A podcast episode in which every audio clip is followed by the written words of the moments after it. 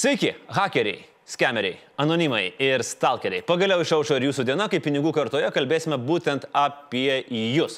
Tiksliau, apie tai, kaip pergudrauti kibernetinius nusikaltelius ir iš to dar užkalti pinigų.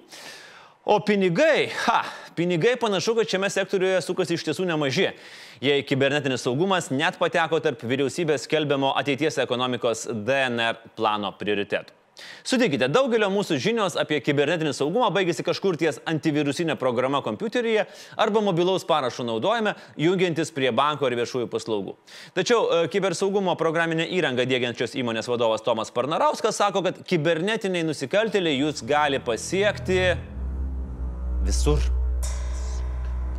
Ar mes kalbėsim apie ketvirtą pramonės revoliuciją, kada visa pramonė modernizuojasi, robotizuojasi, automatizuojasi ir yra keletą Lietuvoje gamyklų, kur praktiškai nedirba nei vienas žmogus, augina lašišas arba kitus e, dalykus, e, kuria e, daro. Tai čia yra visiškai be žmogaus automatizuotas verslas. Ne?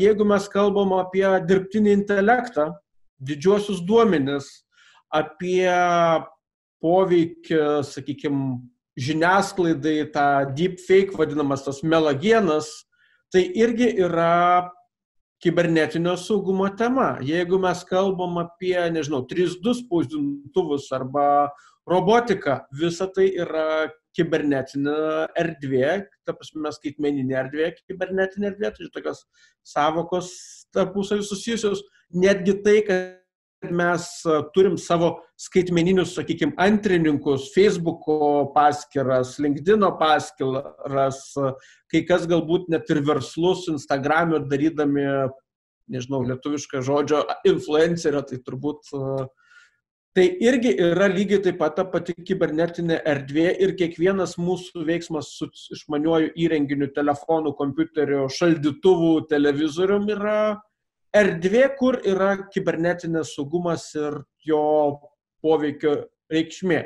Kam reikalingas ir su kuo valgomas tas kibersaugumas? Na, juk gavai kešą, uždarai įmonę seifę ir gali ramiai miegoti. Ne, jau puikiai žinom, kad ne. Šiandien, kai jau net turguose atsiranda pardavėjai, pas kuriuos nusipirkęs bryzą lašinukų, va štai šitų lašinukų, gali atsiskaityti banko kortelę, galima drąsiai sakyti, įžengėme į skaitmeninio atsiskaitimų, į skaitmeninės ekonomikos pasaulį. Ir čia, tame pasaulyje, yra geras dėdė su lašiniais ir posu. Ir už kampo visada stovės ir blogas dėdė su kompiuteriu ir nuloštom programom, kuris norės kažką nugvelbti. Kibernetinio saugumo vadovas smulkioms ir vidutinėms įmonėms ruošęs Justas Kidykas pastebi, kad dėmesys kibersaugumui turi tapti norma, standartų, o ne prabangos dalykų. Šioje vietoje labai matau paprastą vieno, kaip sakant, žodžio atsakymą - skaitmenizacija nes e, kuo toliau skaitmenizuojasi visi procesai, tiek visuomenės, tiek e, verslo, tuo labiau atsiranda domenų rizikų. Ir, aišku, kuo, ir kuo daugiau skaitmenizuojasi, reiškia, tuo, tuo labiau yra, sakant, ir programišių ar nusikaltėlių, kurie nori to pasinaudoti. Ir iš to gaunasi, kad nu, kiekvienam įmonė, kiekviena organizacija, kiekvienam žmogui gali atsitikti tam tikros nelaimės, tam, tikros, tam tikri įvykiai ir mes nu, turėtume žinoti, kaip elgtis, kaip sakant, Taip pat kaip uh, važiuodami mašiną susegam saugos diržą, taip ir nu, reikia žinoti, kai nušai internete, kokių atsargumo priemonių reikėtų imtis. Jeigu anksčiau galbūt rūpinomės tik tai, kad namie pastatyti saugias, e, stiprias šarvo duris su gera spina, tai dabar tas, pats, tas pačias duris ir spinas reikia kompiuteriuose statyti ir, ir kitose įrenginiuose, kuriuos, kuriuos naudojame. Jeigu pasikalbė su įmonių savininkais, vadovais, netgi IT vadovais, kiek skiria įmonė biudžeto kibernetiniai apsaugai incidentam, tai biudžetai stengiasi arba sukarpyti, arba nemato tame naudos. Bet iš kitos pusės, kai kompiuterius įmonės užšifruoja duomenis ir paprašo kelių bitkoinų, kas yra dešimtis tūkstančių eurų išpirkos už duomenų dešifravimą, tada susima už galvos, kasgi darosi ir kaip čia taip nutiko, su didelė nuostaba. Iš esmėsgi viskas keliauja į vis tiek internetą ir viskas tampa sujungta. Tai natūralu, kad e, rinka apskritai e, dėl to ir auga. Ir, ir tie sprendimai, kurie anksčiau buvo priimami na, popieriniu būdu arba, arba tokiu na, lietuoju būdu, turi didelį poreikį, didelį poreikį greitėti.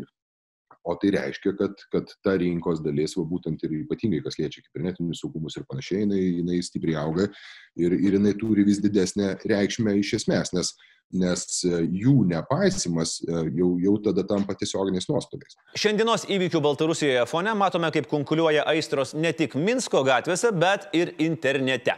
Demokratijos reikalaujantis mūsų kaimynai išėjo į gatves, o į kovą prieš juos stojo ne tik Baltarusijos Omonas, bet ir ant vakarietiškų vertybių lojanti interneto trolių armija.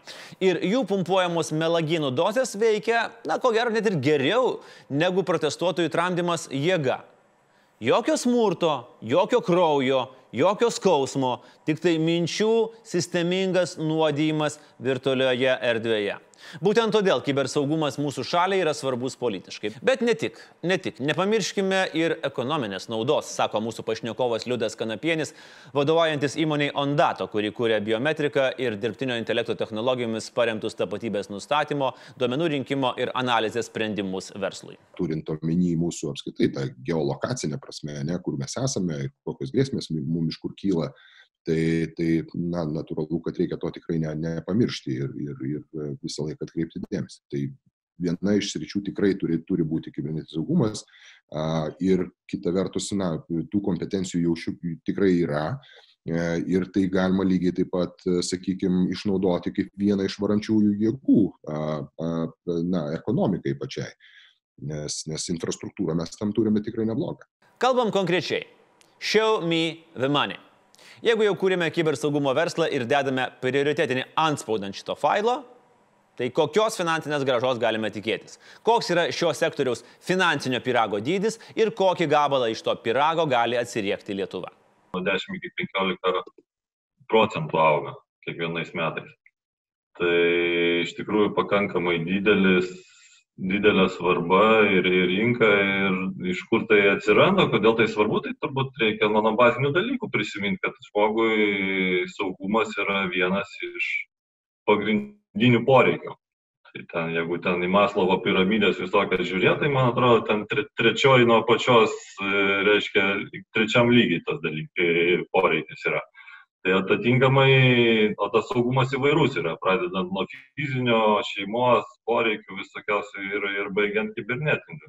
Jeigu kalbant apie verslą kaip kibernetinį, tai vėlgi, ko gero, iš tų pasaulinių gigantų, kurie prognozuoja, kiek ten nu, to verslo yra, kiek tų pinigų, tai bent jau 20, 20 metų, tai yra šie, šiais metais 2020, yra skaičiuojama pagal Gartnerį, kad tai yra 170 milijardų eurų apyvarta.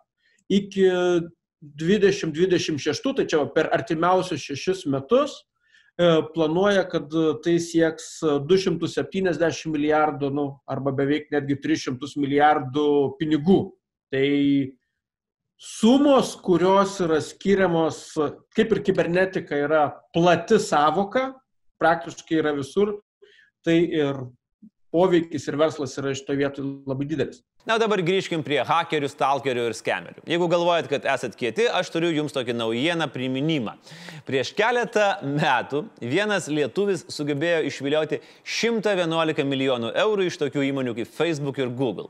Tiesa, 17 metais buvo suimtas ir išsiųstas į Junktinės valstijas, kur gavo penketą metų belangėje. Jam ši istorija baigėsi ne itin linksmai, bet pagalvokim, kiek tokių istorijų net neišvysta dienos šviesos.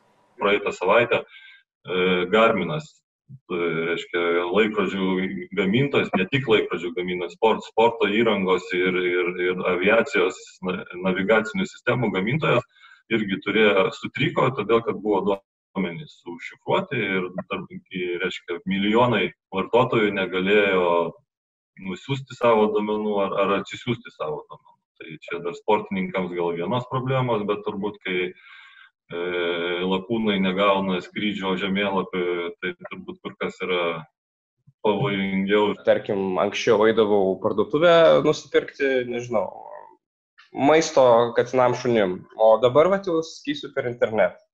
Galbūt tam tikra parduotuvė nėra, nes, nesirūpina savo interneto puslapių, nėra atnaujinami visokie įskiepiai, jis yra nulaužiamas, kas dažnai vyksta tiesiog be jų žinios ir tarkim jūs ten atsiskaitote už tam tikrą prekę, bet visi jūsų kortelės duomenys nueina pas trečią asmenį, kuris pavagė jūsų kortelės duomenys ir tada jau, sakant, pasinaudoja tais pinigais arba tiesiog kortelių, pasinaudoja kortelių duomenimis tam, kad padarytų kažkokius kitus pirkimus kažkur kitur.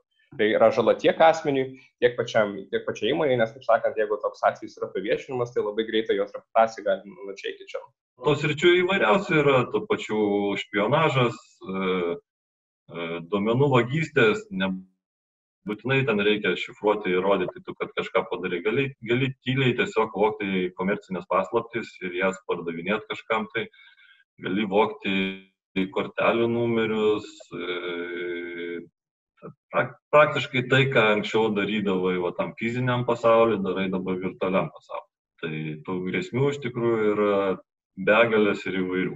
Yra elementarių net labai pavyzdžių, ne, kaip pavyzdžiui, pervedimų kažkokie tai inicijavimai, ne, ten kokios nors įmonės vardu, vat, tikrai nesenai ir viešų e, turėjom ne, ne, nemažų tokių įvykių, kur, kur, tarkim, tie patys net lietuviai nuskambėjo, ne, kur, kur didelių bendrovių sąskaitos buvo patuštintas, ta prasme, tiesiog sukuriant kažkokias tai invoices, tos sąskaitos, nu, kaip pateiktas sąskaitas faktūras, ne, ir jos buvo apmokėtos ir ten dideliam sumom ir, ir iš didelių bendrovių.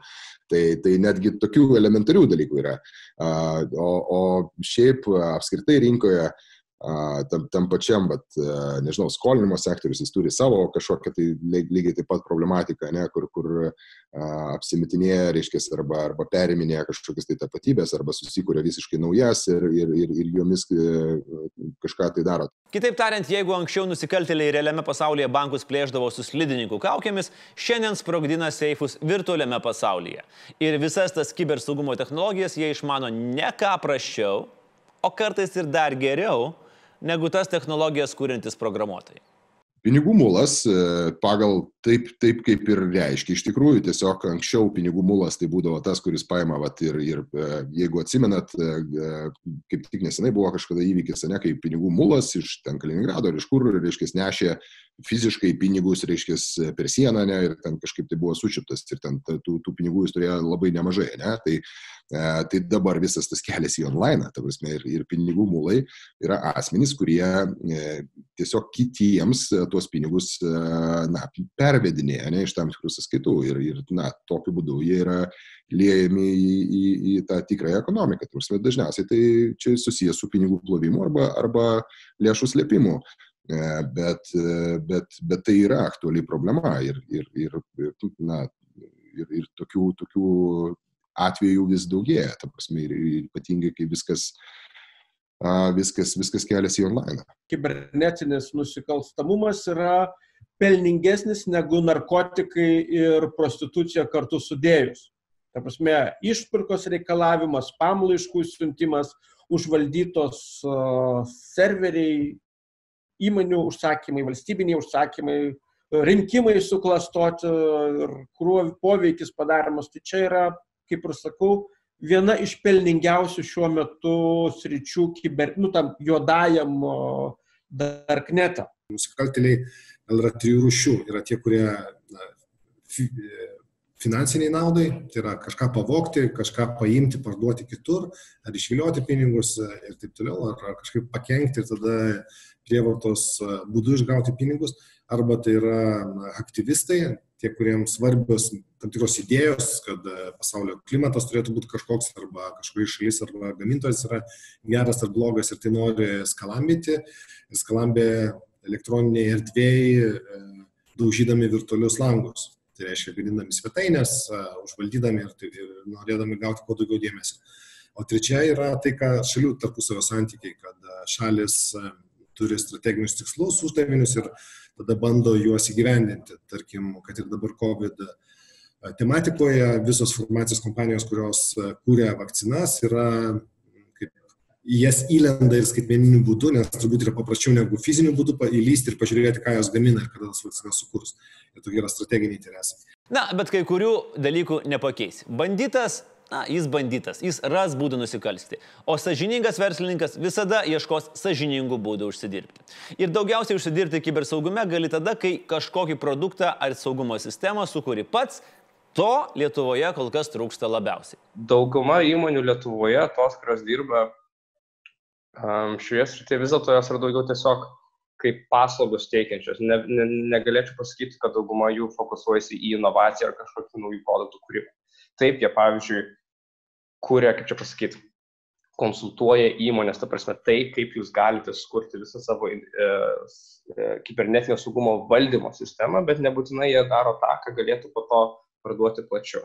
Bet, pavyzdžiui, turim NRD Cybersecurity, kurie netgi kitas, kitų valstybių institucijos konsultuoja nes jau, taip žinai, įgyja tokią patirtį, kad jau gali eiti šias šalis ir, ir, ir, ir jiem parekomenduoti, kaip reikia kurti visą sistemą. Produkto kūrimas tai didesnė pridėtinė vertė gaunasi, nes vienas dalykas, kai kažkas kūrė ir tu tiesiog jį perparduodi, tai tas, šitas tradicinis perpardavimo modelis yra ir, ir visai kas kita, kai tu turėdamas kažkokias idėjas, jas įgyvendini ir tai yra paskui pritaikoma ne tik pas tave, bet ir pasauliniu mastu. Tai vertės iš to tikrai kur kas daugiau. Tačiau norisi, kad gamintojai, kurie galėtų eksportuoti, būtų kuo daugiau. Tai mes irgi einame šią, šią linkmę, dirbdami, na, statydami tokio kibernetinio saugumo centrus nuo Egipto iki Afganistano ir padedame organizacijom Pietų Afrikoje ir kitur. Tai esame paslaugų ir, ir technologijų eksportuojant įmonę ir labai norisi, kad būtų jų tokių daugiau, kad tada ir žiniomis galime dalintis ir kooperuotis vertinant rinkas. Deja, bet kibersaugumo specialistai nėra tie blynai, kurias hopa, ar čia gali kepti kiekvieną sekmadienį pusryčiams. Kiek dar reikės mūsų valdžiai kartoti? Jeigu norite nedurnų ir inovatyvių protų, kurie kurtų pelningas investicijas, investuokite į mokslą, investuokite į mokslą, investuokite į mokslą. O Lietuva iš vienos pusės yra maža, tai reiškia lanksti ir greita šalis, iš kitos pusės tai reiškia, kad kompetencijos irgi yra ribotos. Mums tenka dirbti ir padėti konstruoti kibernetinio saugumo centrus įvairiose šalyse. Ir Kiprė, kuris yra mažesnis negu Lietuva, ir Butanė, kur yra iš viso 700 tūkstančių gyventojų, bet turbūt pusė jų su IT raštingumu nedaug ką turi. Ir ten surasti kibernetinio saugumo specialistų yra dar sunkiau negu Lietuvoje.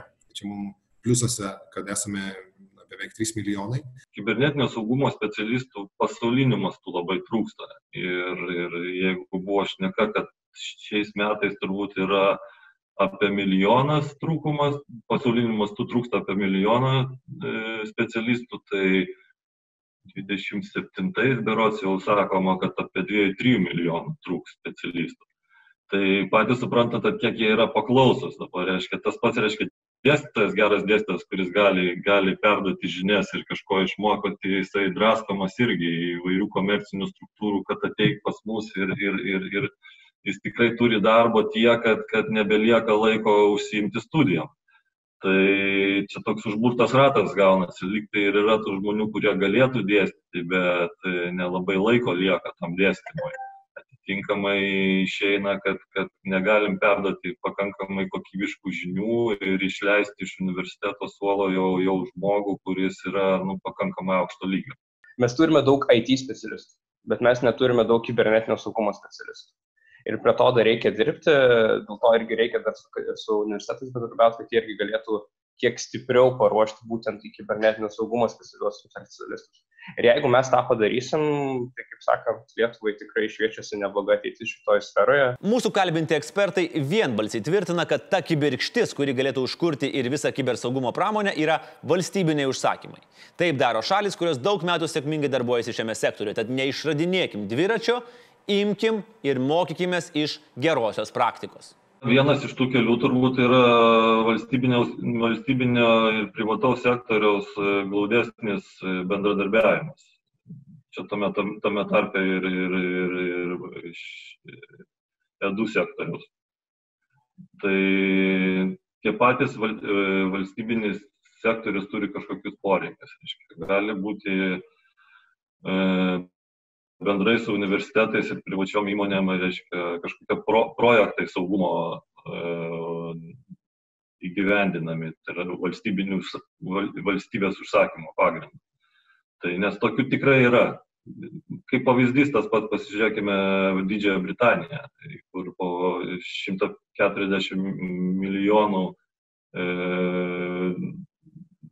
eurų yra investuojama į bendrus projektus. Tai yra tam, kad būtų kūrėmi kažkokie produktai, kažkokios sistemos, e, keliamas e, raštingumas tą pačią saugumo. Izraelyje tai yra daug organizacijų pirmus užsakymus gauna iš valstybinio sektoriaus ir vėliau tik tai ypač iš karinio ar krašto apsaugos sektoriaus vėliau tik tai išduoda leidimus, kad dabar gali tik tai pardavinėti įvairiom pasaulio šalim. Ir yra nemažas, nemažas kiekis tokių technologijų kurios netgi Lietuvoje yra naudojamos e, tokio proceso pasiekoje išvystomos. Ir pabaigai keletas futuristinių ekspertų minčių. Robotizuota, dirbtinio intelekto valdoma ir interneto prifarširuota ateitis gali būti ignoruojama, bauginanti arba įkvepianti. Sako, bijai vilko, neik į mišką. Ane? O tai, palauk, o ką daryti, jeigu tas virtualus miškas ėmė, jau ir atėjo pas mus ir visi mes jame esam? Dėl to, jeigu mėgosime, kurdami priemonės paremtas dirbtinio intelektu tam, kad apsisaugotume, tai kažkas pasistengs tas pačias priemonės dirbtinio intelekto sprendimus panaudoti tam, kad mus įveikti, pažeisti, pavokti ar dar kažką padaryti. Aleksa, pavyzdžiui, Siri, jos jau dabar su mumis bendrauja, jos jau dabar daro mum poveikį, parekomenduoja kažką daryti ir tų būtybių, nes tai nėra visiškai dar žmogus, tai yra kažkokia tai substancija, manau, kad į šitą sritį, manau, vėlgi reiktų jau pradėti kreipti dėmesį, nes jos jau darosi pakankamai sąmoningos ir gebančios priminėti savarankiškus sprendimus. Tai čia jau toks visiškai galbūt apokaliptinis scenarius, bet tai mes jau turim dabar vieną dieną ateis kokia nors nastė ir ką mes su ją darysim, kaip mes jai būsim atsparus. Kitą savaitę jūsų laukia paskutinė ateities ekonomikos DNR serialo dalis. Kalbėsime apie finansinių technologijų sektorių arba daugeliu geriau žinoma fintecho vardu. O kol kas likite su Laisvės televizija ir kitomis mūsų laidomis. Iki.